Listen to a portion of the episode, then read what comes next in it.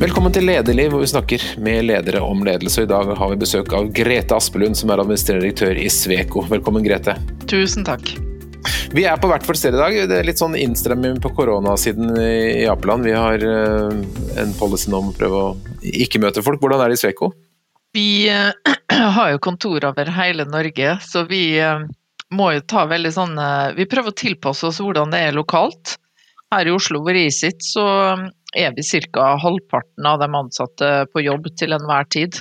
Og hvordan, har koronaen, hvordan har korona påvirket uh, Sveko? Oi, jeg tror jo som uh, de aller fleste andre, så er det jo slik at uh, terskelen for å ta i bruk digitale verktøy har jo blitt veldig mye lavere. Nå er jo vi en sånn høy kompetansebedrift, så det er mange hos oss som er veldig veldig flinke på det fra før. Men det i, noe av det jeg var aller mest redd for når det her traff oss i mars, da, det var jo hvordan skal det gå med alle prosjekter som vi har for kundene. Og mange av oss opplever jo en hverdag sant, som er full av møter og reising og sånt.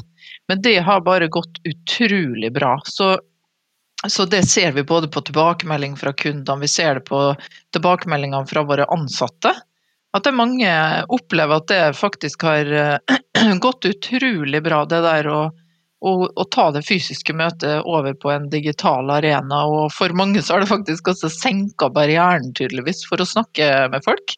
Og sånn som jeg og du gjør nå, at vi ser hverandre ikke sant, eh, på kamera. Um, og det har eh, tydeligvis gjort det enklere for mange å kommunisere. Mm. Nå er det ikke alle som kjenner Sveko. Dere kaller dere Europas ledende rådgivende ingeniørselskap, og dere er 1670 ansatte i Norge. Hva driver dere med? Du, eh, da må jeg nesten fortelle at eh, litt sånn i et verdikjedeperspektiv, da, så er det vi som tegner og beregner. Altså vi designer rett og slett strukturene som du ser, enten det er næringsbygget som eh, du har kontoret ditt i, eller det er jernbane trikkeskinner, veier, tunneler, bruer. Eller kraftstasjoner, damsystemer. Eh, alt som skal til for, for å produsere fornybar energi. Eh, så vi designer det, og så gir vi råd til entreprenøren når, eh, når bygginga er i gang.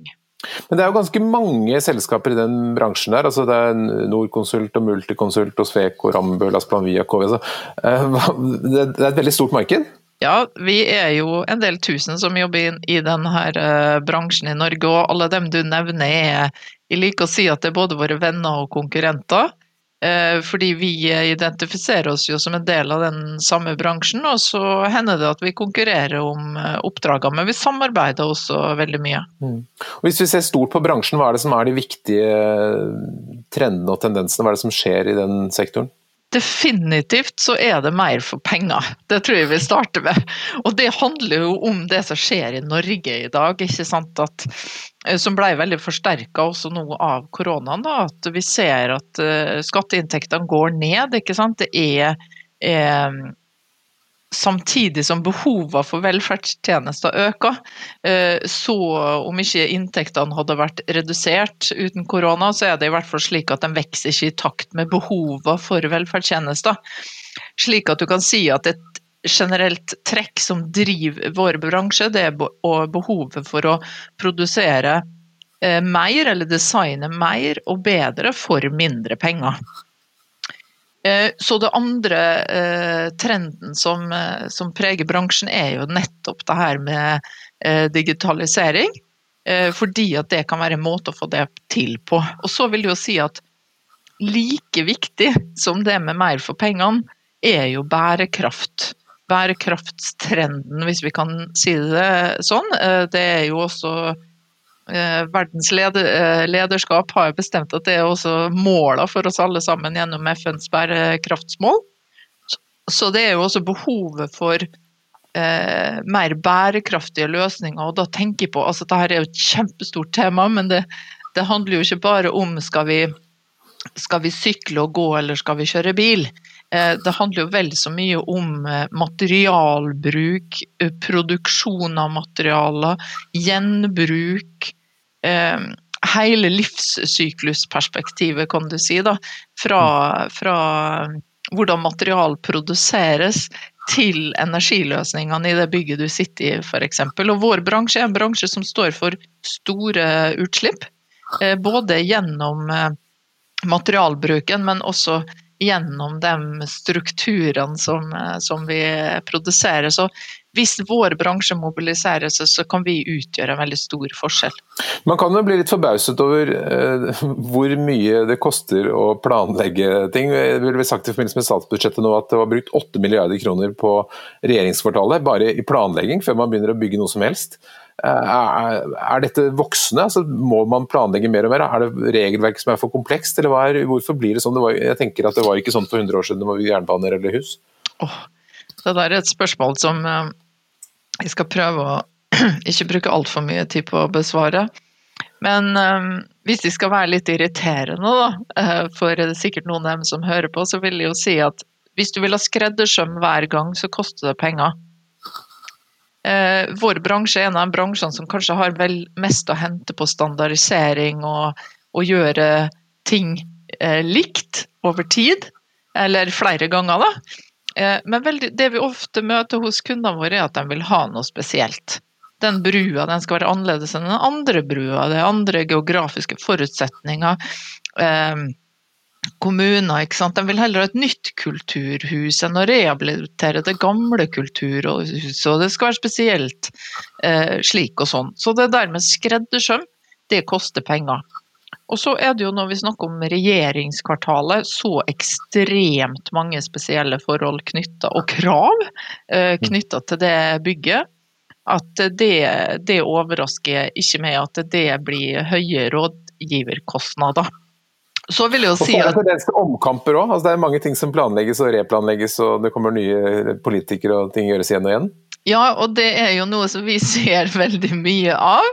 Eh, og at eh, kanskje den av og til så tenker jeg at forståelsen for at når du først har satt i gang planleggingen, så kan du ikke bare ta en pause fordi det ble stopp på pengene i årets eh, budsjett, ikke sant. For da er det kanskje hundrevis av folk som, som må gå hjem fra jobben, eller altså arbeidet stopper opp, og så må du starte på nytt igjen når man bestemmer seg for å, å fortsette eller man får mer penger. Unnskyld. Og den stopp-start det er vel noe av det som er mest frustrerende for oss som rådgivere, og som vi ser koster enormt mye penger. Og det perspektivet du bringer inn, at politikere kommer og bestemmer seg for å sette i gang, men så skal man ikke likevel, og det prioriteres ikke, kanskje på neste års budsjett osv. Det er jo en kostbar måte å, å drive utvikling på. Så betaler vi som samfunn mye penger for at politikerne ombestemmer seg? Eh, det gjør vi nok. Eh, mm. Og det er jo en sak vi i vår bransje ofte trekker frem som et suksesskriterium for å få til nettopp det her med mer for pengene. Eh, det er jo nettopp forutsigbarhet. Mm. Vi må snakke mer om det, men først må vi høre litt mer om deg. Hvordan havnet du i den stolen du sitter nå, Grete? Oi, ja det har jo egentlig etter hvert blitt en lang, lang, reise, det da. Jeg har jo en utdanning som er litt annerledes enn mange av dem som er mine kollegaer. Jeg er utdanna på Universitetet i Trondheim og så i, i Oslo eh, innenfor samfunnsvitenskap og har et hovedfag, som det het før i tida, i sosialantropologi. Og det jeg studerte da var jo kulturforskjeller og minoriteter i Norge. Eh, hvordan vi driver integrasjonsarbeid i Norge. Og det leda meg jo da inn i en jobb i offentlig forvaltning de første åra. Men så lærte jeg veldig fort at det som jeg syntes var utrolig gøy å holde på med, det var prosjekter, prosjektstyring, prosjektutvikling osv. Og, så og det tror jeg var liksom veien min inn i konsulentbransjen. Eh, og nå, eh, nå sitter som, som, leder for eh, Sveko, som du sa, i Norge. Vi er jo et børsnotert selskap med virksomhet i ja, hovedsakelig åtte land i, i Europa. Så prosjektledelse, prosjektstyring for meg, ble veien inn i ledelse. Og så har jeg også erfart at det å kombinere ulike kompetanser så Dette er jo et konsern som består av 17 000 ingeniører og sivilingeniører. Eh, men etter hvert så har vi også fått en bredere palett av kompetanser, eh, også den som vi representerer. Eh, og det har jo vist seg å være en veldig sånn god kombinasjon, da.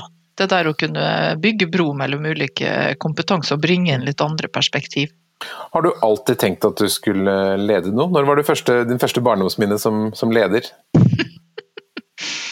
ja, jeg, var nok en litt slitsom eh, tenåring. Det har jeg tenkt ganske, ganske mye på når jeg, når jeg sjøl fikk tenåringsdøtre, da. At jeg var nok litt, eh, litt krevende der en periode. Eh, så sånn sett. Og så har jeg jo alltid vært sånn klasse... Hva heter det, sånn klasseformann, eller hva det heter. Sånn elevrådsrepresentant. Og når jeg begynte å studere i Trondheim, så ble jeg jo leder for studentene i Trondheim, og jeg var med i forskjellige utvalg og sånn. Så det var kanskje når jeg ble student at jeg skjønte at oi, jeg har lyst til å delta i diskusjonene, jeg har lyst til å være med på å påvirke, jeg har lyst til å jobbe for, eh, for studentene. Da. Og det var kanskje da jeg Eh, fordi det var et veldig sånn miljø hvor du blei oppfordra til det. Det var veldig mange medstudenter som, som på en måte støtta veldig det, da, vil jeg si. Eh, så det var kanskje da jeg skjønte at oi, jeg tør faktisk å stå på en talestol, f.eks. på Samfunnet. Det er jo en sånn følelse du fortsatt uh, har i kroppen, ikke sant, hvordan det var. At, at jeg skjønte at oi, jeg kan faktisk tørre Eh, å ta en sånn rolle, da. Men når det er sagt, så er nok jeg også blant dem som jeg har sett veldig mange andre ledere eh, si, at det har aldri vært en plan å bli leder. Og slik har det vært for meg, fordi at de, jeg går veldig etter oppgavene. Jeg ser at oi, her er det en jobb som må gjøres, den jobben kunne jeg godt tenke meg å, å gjøre. Eh, eh, og det har vært på en måte kanskje det lille som har vært en sånn peilesnor, hvis du skjønner. Du har vært eh, leder i, i eh, Sveko i snart fem år, så var du Nemco før i Rambøll, så du har vært eh, toppleder en stund. Har du forandret deg mye i den perioden som leder? Ja, det må jeg bare si at det håper jeg inderlig. Hvorfor det? Sjøl om jeg, jeg, jeg vet at jeg fortsatt har veldig mye å gå på når det gjelder en del ting. Men når jeg tenker tilbake til eh, kanskje min første topplederjobb, da, som var som administrerende i Rambøll Management, så, så, vil jeg jo si at, uh, at det har skjedd veldig mye, særlig kanskje knytta til det der med å eh, håndtere folk. Um, og få den derre eh, tilstrekkelig ro knytta til oversikt og overblikk. Um, det som jeg eh, fortsatt uh, jobber med, det er jo det at de, at de er en litt sånn et, en transparent person, så du kan fort se kanskje hva jeg tenker om ting. akkurat du er dårlig i poker? veldig dårlig! Veldig dårlig i poker. Og det, det, det er fortsatt på min utviklingsliste, da, kan du si. Blant, blant selvfølgelig mange andre ting. Kanskje du skulle spilt litt poker? Kanskje du skulle liksom for å prøve å se om du kunne Men det er jo noe, er jo noe fint med å være engasjert òg, å vise hva man følger? Ja, altså jeg, jeg, tenker jo i hvert fall at det gjør at folk rundt deg ser at du er eh, bare et menneske. Som jeg tenker veldig ofte så tenker jeg det når jeg kanskje skal trøste meg sjøl litt eller gi meg et lite klapp på skuldra, at at sjøl du er jo bare et menneske. altså Det er grenser for hva man, eh, man greier å sette opp av forsvarsmekanismer og, og hva skal jeg si eh, eh, håndtering, da. Mm. Så, og jeg liker jo det sjøl. Altså, det er sikkert også litt typisk, kan jeg tenke meg, at når man er litt sånn som type sjøl, og det kan være mye følelser og greier, så har jeg jo heller ikke noe problem med å håndtere andre folks følelser. Altså, jeg blir ikke redd av det. Eh, og det, det har jeg jo erfart at det eh, kan være en styrke, da. Det mm. der å håndtere eh, En ting er liksom følelsesutbrudd, men, men også veldig sterke personligheter og, og uttrykk, da. Det, det, opplever vi på en måte at de, at de fint kan, kan håndtere. Mm. Men hva tror du er forskjellen, hvis du hadde møtt deg selv for ti år siden, da, hva er forskjellen på den lederen du var da og det du er nå? Jeg håper i hvert fall at de er roligere. Um, definitivt. Det vil vel kanskje være også at de, de um, rausere faktisk også. Altså det der, det, og det har jeg tenkt veldig mye på. Det er hva som gjør at man kan bli litt sånn knepen. Det er jo ofte at du er pressa. Og den mellomlederposisjonen er jo ofte noe som eh, hvor du er pressa både nedenifra og ovenifra, og når du ikke har så mye erfaring, så kommer det i fryktelig mange dilemmaer. Hva er det riktige å gjøre i de ulike situasjonene, og du, og du vil egentlig bare levere sant, til dem du skal levere til. Um, så jeg, jeg, håper jo også at de greier å forvalte den tilliten som jeg får, eh, kanskje bedre eh, i dag, og, og se eh, ikke bare hele mennesket, men hele organisasjonen, og, og, vurdere litt mer hva som er riktig å gjøre til, en, til enhver tid, med litt større ro. Mm. Men hva tenker du blir konsekvensene hvis du når du er knepen eller ikke raus nok? Hva blir konsekvensene?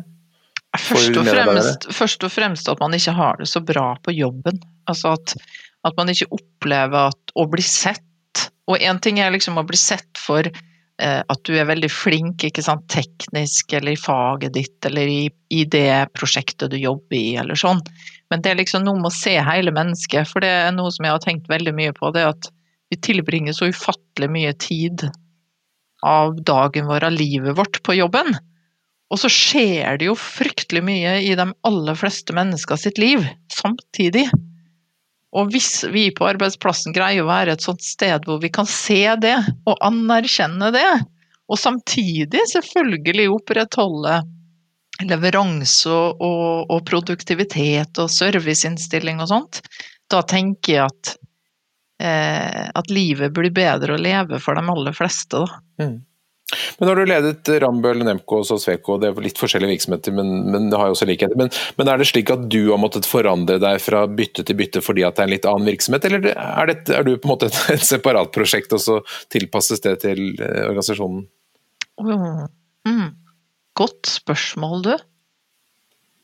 Eh, jeg tenker veldig på ledelse som noe som er kontekstuelt.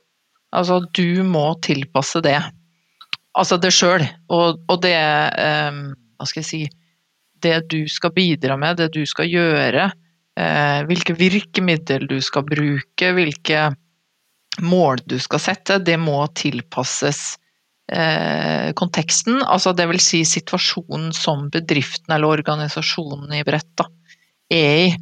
Mm. Uh, og det høres veldig lett ut på papiret. Men jeg tror at det er lett at vi som er ledere og har vært det en del år, opparbeider oss noen sånne mønster. Det er noen ting vi er anerkjent for, eller som vi vet at vi lykkes med, og som vi, vi kan, ikke sant. Så eh, det der med å utøve en ledelse som er kontekstuell, det er noe som jeg, som jeg, vil absolutt si er noe som jeg etterstreber. Og det betyr jo at man er nødt til å være utrolig lydhør, ikke sant. Og eh, for organisasjonens mange stemmer og virkelig prøve å sette seg inn i hva er det som det her er for slags bedrift. Og da tenker jeg ikke bare på hva som skal leveres eller produseres eh, der, men, men eh, kulturen der og suksesskriterier i bredt, da. Men det å da komme inn i Sveko, som da er ja, nå er det 1670, kanskje var litt færre eller flere da du begynte for fem år siden, men du kommer inn og så er det en virksomhet som du ikke kjenner så godt, og så er det folk spredd over hele landet og det er mange forskjellige fagfunksjoner. Hvordan får du på en måte grep på hva slags hvor er det jeg har kommet til nå? Altså, hva slags organisasjon er det? Hva er det, hva er det du bruker som eh, markører for å vise hvor du er hen? Du må kaste det ut i det. Så det første jeg gjorde her i løpet av tre uker, så hadde jeg vært og besøkt 26 kontor i Sveko. Eh, og da kjører jeg rundt med bil, og den gangen gikk det jo an å fly og alt. og så snakke med alle. Så da møtte jeg alle medarbeiderne og eh, fikk stilt masse spørsmål. Og så hadde jeg også noe lite som jeg gjerne ville formidle og få respons på. Eh, og det er på en måte en, for meg en veldig viktig oppskrift. Og vi prøver å gjenta det sånn med jevne mellomrom her i Sveko, da, at jeg var i i fjor høst så var jeg også rundt på alle kontorer igjen. Eh, det der å liksom møte alle sammen, høre hva folk er opptatt av, kjenne på stemningen. Det er jo forskjellig, ikke sant. Hver kontoredør du går inn i, der er det forskjell. Eh, kanskje særlig hos oss, fordi vi er et resultat av mange oppkjøp, så vi har mange forskjellige eh, tradisjoner og kulturer som er, slått sammen i, i, det som i dag er, er Sveko. Da. Eh, så det der å stille spørsmål, eh, det prøver vi å jeg prøver faktisk å ikke slutte med det, hvis du skjønner, for det er så mm. fort gjort. Å tenke at man ikke orker, eller det er for travelt, eller mitt budskap er viktigere enn de andre budskapene, eller sånn. Men jeg prøver virkelig å være bevisst på å, å stille spørsmål, og, og, helst åpne spørsmål. Så får man eh, veldig mye gode svar og inputs. Mm. Når du da legger ut på en sånn uh, turné, da, har du et uh, type partiprogram, noen budskap som du skal hamre inn alle steder du kommer, slik en omreisende politiker ville hatt? Ja, jeg har noen ting som er veldig viktige. I Sveko så handler det innmari mye om at uh, vi er der for kundene og at de skal oppleve oss som den mest engasjerte og, og næreste partneren da, i sitt arbeid. Og det er kan jo høres ut som en veldig sånn platt ting, kanskje for mange som hører på denne podkasten, men i sånne ekstremt sterke kompetansemiljø som vi representerer, så er det jo innmari fort gjort å bli veldig fokusert på hva man sjøl kan. Og så glemmer vi litt Apropos kontekstuell ledelse, så glemmer vi litt konteksten til kunden. Hvilke begrensninger og muligheter som ligger for kunden. Hvilke eh, behov sluttbrukeren ofte har, ikke sant. Eh, slik at for, de, for, oss så er det innmari viktig å massere og kna på det der, hva det betyr å være engasjert og kundenær eh, for, eh, for oss eh, som organisasjon. Og jeg tror vi aldri blir ferdig utlært. Så så det er et eksempel på et mm. sånt budskap. Og da selvfølgelig også snakke om, om hva kundene gir oss av tilbakemeldinger, fordi at vi driver jo og spør kundene etter hvert prosjekt, ikke sant, hvordan de har opplevd oss. Vi uh, gjennomfører også en masse andre undersøkelser for å helt tatt vite hvor langt er vi fra å ha etterlatt et sånt inntrykk, da av å mm. være engasjert og kundenær. Eh, så det å, å dele dem resultater og refleksjonene rundt dem, hvordan vi kan bli bedre hele tida, med, med, alle våre ledere og medarbeidere, det, det er kjempeviktig. Mm. Dette er veldig, Selv om du sier du har mange fagfunksjoner, så er det en ganske sånn ingeniørtung virksomhet. Det, hva tenker du det betyr at du ikke er ingeniør selv? Eh, det betyr jo, eh, og da, det vil jeg veldig gjerne anerkjenne, altså det betyr at du kan ikke komme til meg og spørre om tekniske spørsmål. Jeg ville aldri tørre å svare på det, ikke sant. For det fins finnes nå 1700 som er mye bedre til å svare på det eh, enn det jeg er. Eh, samtidig så, så, ser jeg nettopp at eh, jeg tror det er bra for oss at vi anerkjenner at vi trenger ulike kompetanser for å være suksessrike som, eh, som bedrift. Eh, og jeg ser ingenting i veien for at man kan ha ledere på ulike nivå som har andre kompetanser. Men Tenker du at det er en fordel, eller hadde det vært bedre om du hadde vært ingeniør? Det er jo ikke bare fag, det er jo også personlighet i sånne lederjobber. Så jeg, eh, jeg tenker nok at det handler om å finne den rette personen. Men når du da reiser fra dette besøket, du har vært på et avdelingskontor og besøkt, hva vil du at de skal tenke om deg som leder når du reiser? Etter å ha hatt besøk av deg? Jeg er opptatt av å være etterrettelig og tilgjengelig. Og så er jeg opptatt av at de skal oppfatte meg som eh, at det er en vei fremover, hvis du skjønner. Det er en plan. Mm. Eh, det er liksom styr på det her. Eh, vi er jo forskjellige vi mennesker. Noen vil ha, noen vil ha et fyrverkeri, ikke sant, og, og, sånt. Jeg er jo ikke nødvendigvis det, men jeg, jeg, tror man kan komme langt med nettopp det her at man evner å vise veien framover, hvor vi skal, og hvorfor vi skal det, selvfølgelig. Og at man er etterrettelig og, og tilgjengelig som leder. Så det betyr at du snakker mye om visjon, strategi, retning? Ja, det, det gjør jeg. Jeg snakker litt om det strategiske rammeverket vårt, da, som i Sveko er veldig enkelt. For vi, vi, er en organisasjon som bygger veldig lite byråkrati og administrasjon, og har et veldig sånn enkelt rammeverk. Og det er Vi er også en veldig desentralisert organisasjon. Så det betyr at ute på hvert eh, kontor i Sveko så har de utrolig stor mulighet og myndighet til å påvirke arbeidet, hvordan det blir utført og hvilke prosjekter man går for og, og sånt. Og det, grunnen til at vi har valgt den strukturen er at vi ser at det å være nær kunden er et suksesskriterium for oss.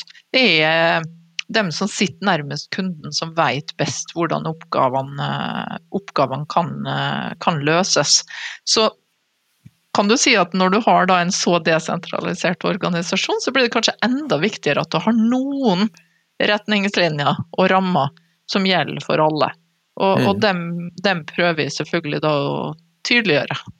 Men hvis du skal snakke om fremtiden, da, hva tenker du er de største utfordringene? Altså, hva, er det, hva er du grubler mest på, hva er det du lurer mest på når det gjelder fremtiden? Jeg lurer nok kanskje blant de spørsmålene jeg eh, aller mest eh, Hva skal jeg si Jeg tror ikke usikker er riktig ord heller, men som jeg grubler på, det er nok det her med digitalisering. Altså hva, hvordan vi skal sikre at vi med alle ideene, da. Med alle ideene, alle, en, all energien, alt pågangsmotet, alle prosjekter.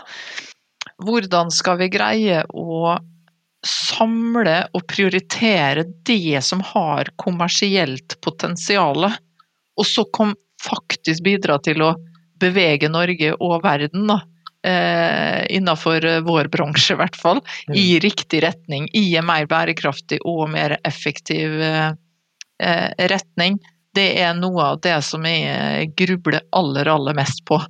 Og hvor vi, eh, vil jeg si, er i vår eh, Vi har i hvert fall fått på plass et godt fundament for å kunne jobbe med dette her.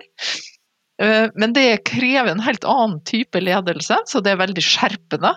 Apropos kontekst, kontekstuell ledelse, så må du på en måte gå inn i det arbeidet med, med en, et annet mindset enn en, en du har i en del andre saker. Du må være mye åpnere. Du må du må liksom virkelig legge fra deg mange av de gamle mønstrene du gjør når du skal på en måte eh, lage noe nytt eller produsere noe nytt, innføre en ny rutine, en ny prosess osv. Så, videre.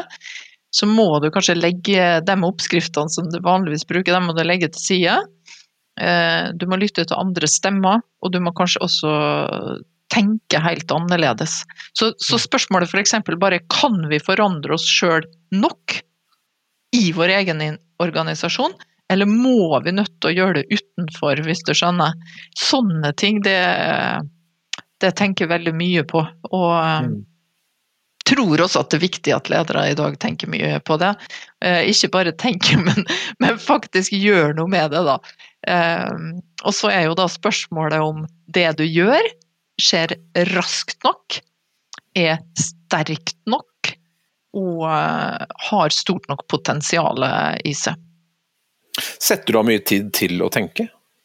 Jeg prøver å bli flinkere til det, men jeg, jeg syns jo at det er et av de store dilemmaene i en, eh, i en uke som blir bare proppfull av uh, møter, selvfølgelig, men leveranser og, og ting som må, som må håndteres, da. Men, eh, men, eh, etter å ha hatt noen sånne perioder hvor det kanskje har vært eh, Du merker det jo sjøl når du får for lite, eller når du ikke får tenkt. Ikke sant? Du kan jo bli både stressa og lite gjennomtenkt i dine svar til omgivelsene, for å si det sånn. Så, så prøver vi å, å skjerme og få med det, særlig på morgenen. Eh, hvis vi får liksom stått opp tidlig og kanskje gjort noe fysisk, gått en tur med hundene mine. Bare det å Da skjer det ting oppi hodet som, eh, som i hvert fall for meg er veldig verdifullt, og, og som hjelper meg til å, og, og, få det overblikket da, og den refleksjonstida, som du, som du sier. Men det å prioritere tid er jo noe som alle ledere sliter med. Hva, hvordan tenker du når du legger opp uka? Hva, hva er viktigst for deg? I den grad du kan styre. du kan Nei, styre. Eh, det er egentlig viktigst for meg å ha energi. Så, så, det er det jeg jobber med, å ha nok energi. Og da betyr det at jeg må sove. Jeg må sove åtte timer hver natt, det må jeg. Og så må jeg trene. Eh, og jeg er ingen Jeg eh, er ikke noe fitnessdeltaker. men jeg må, jeg må trene sånn at jeg har energien til å, å, ha det livet som jeg har. Det er kjempeviktig. Og det er også viktig sånn eh, rent eh, hormonelt. Altså hormoner påvirker jo vår, psyken vår og hvordan vi har det sånn mentalt sett. Så det er for å ha humøret også. Og kjenne den der endorfinene, at du, du, blir positiv. Det gjør noe med hodet ditt. Eh, det å, å være fysisk aktiv. Så så det vil jeg si er kanskje de tingene som jeg tenker mest på når jeg ser på denne uka, og så ser jeg at ok, her blir det mange titimersdager. Så tenker jeg at ok, da kan jeg ikke begynne før åtte eller før ni de dagene, for da må jeg. Jeg må ut, og jeg må liksom eh, ja, få gjort noe som er bra for meg sjøl. Mye tror du humøret til ledere påvirker organisasjonen? Mye. Og eh, ja, jeg tenker jo på det der sjøl. Jeg blir jo snart 50 år og kan godt hende at jeg har kommet i overgangsalderen, jeg er litt usikker. Eh, det er noe av det som jeg tenker på. Det er eh, at man ikke alltid i en sånn stressa hverdag forstår man det sjøl. Når man kanskje gir signaler eller får en sånn atferd som ikke ikke er befordrende på omgivelsene. Eh, og jeg tror jo at eh, eh, dette er jo fryktelig vanskelig. Et vanskelig tema. Mm. Et, kanskje et som det ikke er så mye åpenhet om heller, for det er vanskelig å gi sjefen sin tilbakemelding. Hvis ja, for det er ikke alle som kan si det. Du, I dag så Nei. var du vanskelig. Liksom. I dag var du sur. Mm. Eller um, i dag du, må du være så kort, så sint, ikke sant. Hvorfor blir du så sint, hvorfor viser du så mye følelser? Eh, så, så jeg, eh, jeg, tror det er definitivt viktig for en leder å tenke over. Og jeg sa jo tidligere i samtalen vår at jeg er en sånn som kan, kan vise Altså du kan se det på meg, jeg er ikke noen pokerspiller. Og jeg har jo også erfart at, at det ikke alltid er bra, ikke sant. Fordi at eh, du kan jo lukke en diskusjon for tidlig, fordi at eh, folk ser egentlig på det hva du mener om saken. Eh, de kan oppfatte at du har tatt stilling før du egentlig bør ta stilling. Du har ikke hørt eh, de argumentene du bør høre, kanskje. Eller at det er ting du ikke vil diskutere overhodet. At hele kroppen din signaliserer at dette ønsker du ikke skal snakkes om. Så, så jeg, jeg, tror at ledere kanskje kan ha veldig større påvirknings, eh, mye større påvirkningskraft der enn vi Én ting er hva vi tenker på, men kanskje vi er villige til å, å ta inn over oss uh, også. Så det er definitivt en grunn til at det der er på min utviklingsliste, i hvert fall. Men selv om du har en krevende jobb og du skal sove og du skal trene osv., så, videre, så tar du likevel på deg styreverv. Du har hatt mange styreverv, være i styret i NHO nå. Mm. Hvorfor gjør du det? Ja, Det er vel da jeg skal si at det er fordi at jeg tror at jeg har så mye å bringe til bordet, men sannheten er jo fordi at jeg lærer utrolig mye av det. Eh, det har for med seg at det er et fullgodt alternativ med å gå på et eller annet high level eh, leadership training. Eh, du, du får altså anledning til å få innblikk i så mange både personligheter, individuelle måter å jobbe på, og organisasjoner. Så det syns jeg er uhyre eh, verdifullt. Eh, og har valgt å bruke tid på det. Eh, nettopp av den årsaken at jeg, at jeg syns at det er veldig gøy. Og så må jeg det kan jeg vel si. Altså, jeg har den kapasiteten. Jeg hadde aldri gjort det der hvis jeg hadde sett at jeg ikke hadde den kapasiteten, for det, det krever ganske mye. Det krever en mm. del uh, søndager hvor du setter av til å lese sakspapirer, f.eks. Uh, men, men det, det, trigger meg, det er bra for, uh, for hodet mitt. Mm. Eh, og så opplever jeg òg at, at jeg har noe å bidra med inn i de arenaene. Sånn at alt i alt så syns jeg det har vært veldig interessant. Men Tror du generelt at det er bra for administrerende direktører også å ha styreverv, for å kunne se bedriften fra flere sider? Altså ikke, Man kan ikke være sin egen styreleder, men man kan nei, være i styret nei, nei, man kan være i andre, altså ubetinga. Jeg tror det er kjempeviktig. Og det der å gå på oppdagelsesferd og, og, og i andre, ikke sant, eh, kollegaer i andre bransjer, eh, det er altså så utrolig fruktbart, og særlig det vil jeg si i andre bransjer. Da.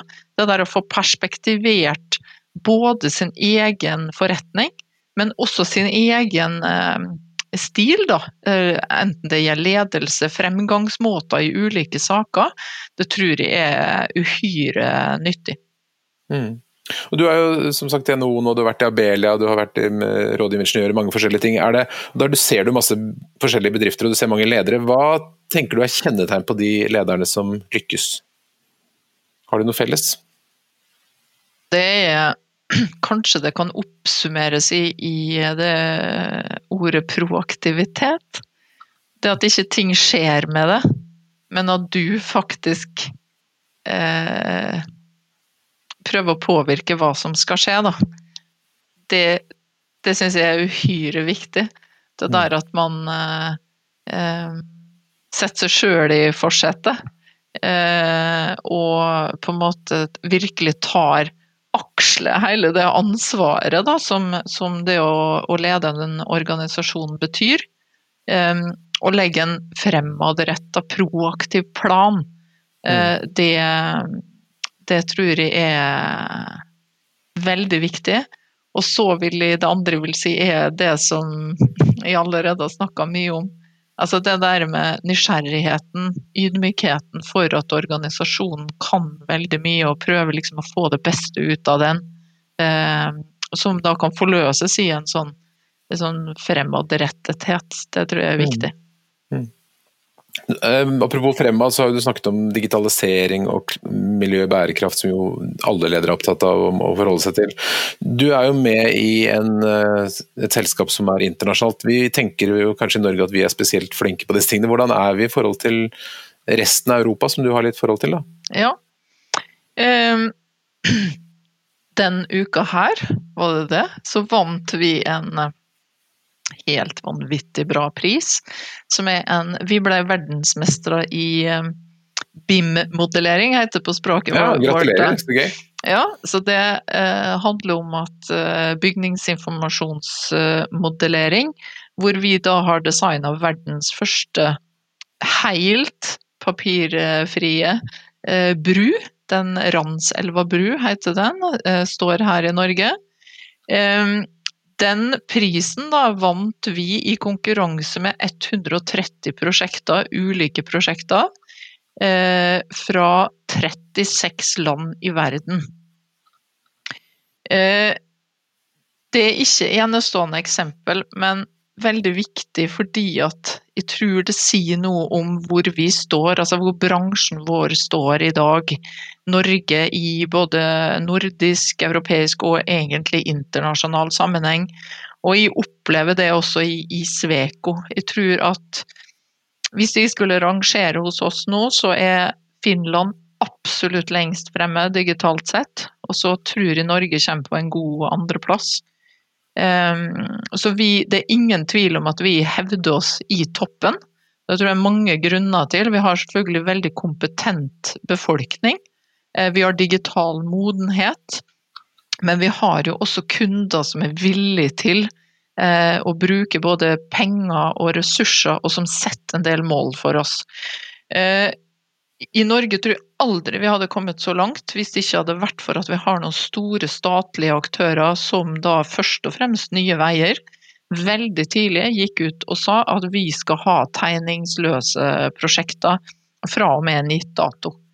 Eh, det syns jeg er et ekstremt godt eksempel på hvordan du kan forandre en hel bransje gjennom din eh, innkjøpsmakt, og som vil gi oss i Norge også et varig konkurransefortrinn.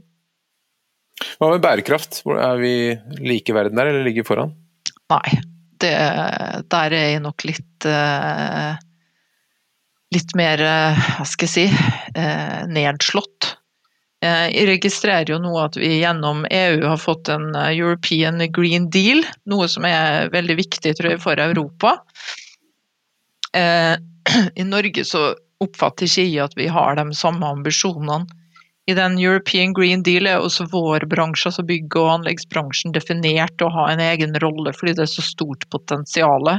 Eh, I Norge så har vi etterspurt en større vilje til både å stille krav og ha ambisjoner for eh, utslippsreduksjon eh, innenfor vår bransje uten at, de, uten at de ser at vi helt har fått det. Vi har også fått eh, altså Gjennom koronakrisen så ble det jo bevilga noe ekstra midler til utvikling av teknologi og prosjekter som, som f.eks. karbonlagring og fangst. Men jeg syns jo ikke vi er ambisiøse nok i det hele tatt. og vi kan kanskje være litt redd for at vi havner i et sånt eh, dilemma hvor vi ikke tør å ta tydelige veivalg. Eh, eh fordi selvfølgelig velferden vår er bygd på eh, oljeinntekter, da. Mm. Så mm. Hva tenker du må til da, for at vi skulle tatt et stort grønt skritt? Veldig mange ting. Altså, jeg tror ikke på enkle løsninger. Jeg ser jo bare i min egen bransje hvor hvor lang tid det tar å modnes da på en del problemstillinger, ikke sant. Så jeg tror jo at eh, alle, alle industrier, alle bransjer i Norge må på en måte pitche inn med sitt, hva de kan bidra med. Men, men jeg er ekstremt opptatt av at politikerne er nødt til å stille krav. Og, og, et eksempel som mange sikkert begynner å bli lei av å høre etter hvert, men som jeg syns er utrolig godt. Den norske stat og kommuner kjøper inn for 600 milliarder kroner hvert år. Hvis vi hadde eh, satt større krav til bærekraft eller miljø eh, i så her innkjøpene, så bare ved det så ville du generert en helt annen atferd fra fra leverandørene. Da. Og det kunne gjort en, en, en veldig stor, stor forskjell. Mm. Men konkrete målsettinger, det må vi få på plass. Og verktøyene for hvordan vi skal komme dit. Det holder ikke å si 50% reduksjon i 2030. Det må være liksom konkret hvordan, hvordan vi skal komme dit. Men eh, her kan vel NHO, hvor du sitter i styret, være en pådriver, da? Ja, jeg oppfatter jo at uh, at vi har eh, kommet et godt stykke på vei gjennom, med, gjennom det veikartet for, eh, for fremtidens eh, næringsliv som, er, som, ble lansert her for litt siden. Eh, hvor man gjennom en, en uh, inkluderende vil jeg si, og veldig engasjerende prosess som har berørt hele næringslivet, har blitt enige om noen, noen eh, områder som Norge bør satse på fremover. Så jeg mm. syns at NHO er ganske offensive her, og, og særlig tatt i betraktning da alle de interessene som, som også skal ivaretas. Mm. Hva tenker du blir dine viktigste utfordringer i årene som kommer som leder av Sveko? Jeg tror det blir å håndtere den bærekraftsutfordringen. Altså hvordan skal vi som selskap Vi har jo sagt at eh, konsernet vårt eh, altså i Europa skal være utslippsfri innen 2040, men her i Norge så har vi sagt at vi skal ha redusert våre utslipp med 55, 55 innen innen 2030. Eh, det er en veldig ambisiøs målsetting.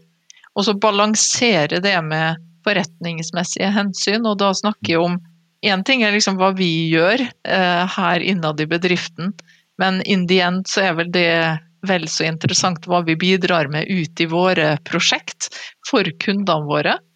Og det der å finne den balansen, hvordan vi får det her til, og samtidig har en sunn forretning, det tror jeg blir eh, en av de aller, aller største eh, spørsmåla fremover. Mm. Helt til slutt, Grete. Hvis det kommer en ung person til deg, kanskje et av barna dine eller en annen som sier jeg vil bli en sånn flink toppleder som deg, Grete. Hva er de tre viktigste rådene du vil gi da? ja, da er det bare å, å, å stå opp om morgenen og gå, komme seg på jobb. ja, nei, nei. Jeg flirer jo av det. Tre men... tips for å bli en god leder av hva er tre tips for å bli en god leder? nei, men jeg, jeg, jeg mente faktisk egentlig seriøst. Eh, det der med hardt arbeid jeg, jeg opp, opplever jo at uh, alle ønsker du skal si noe annet, men det er jo faktisk innmari viktig, altså. Det der å være villig til å jobbe eh, å se positivt på det å jobbe og ha disiplin rundt det å jobbe, det, det tror jeg er kjempeviktig. Mm. Og så tror jeg at du må gjøre noe som du liker. Du må kjenne i magen ikke sant, at det her er gøy. Jeg, jeg har nok ikke så stor tro på at man som 17-åring kan bestemme seg for at man vil bli sjef. Eller du kan jo gjøre det selvfølgelig, men om det vil føre det dit, det er jeg veldig usikker på. Jeg tror du må gjøre noe som, som du liker. For meg har det alltid vært at de må jobbe med folk. Og herlighet, altså er det mulig? Jeg jobber med folk hele tida! Jeg har liksom havna midt i smørøyet. Nummer tre, det tredje rådet, hva vil det være? Åh Ja, være interessert i folka rundt det. Du må være interessert i folka rundt det. Det er viktig. Vi mennesker, vi skal leve sammen med andre mennesker. Vi skal um, eh, lage eh, gode løsninger fremover som er gode for oss sjøl, men også for alle rundt oss. Så vær interessert. Vær interessert og nysgjerrig. Bra. Vi lar det være en fin avslutning. Ingrid Asplund, tusen takk for at du kom til Lederliv. Tusen takk for nå. Lederliv er en podkast fra Apeland. Redaksjonen består av Ellen Paulsen, Lars Jarle Melum, Lars Volden og meg, som heter Ole Kristian Apeland. Hvis du vil høre mer, så trykk abonner. Da får du varsel når det kommer nye episoder. Og hvis du har noen tips, så send en e-post til tips at lederliv eller til meg, ole at apeland.no. Takk for at du lytter.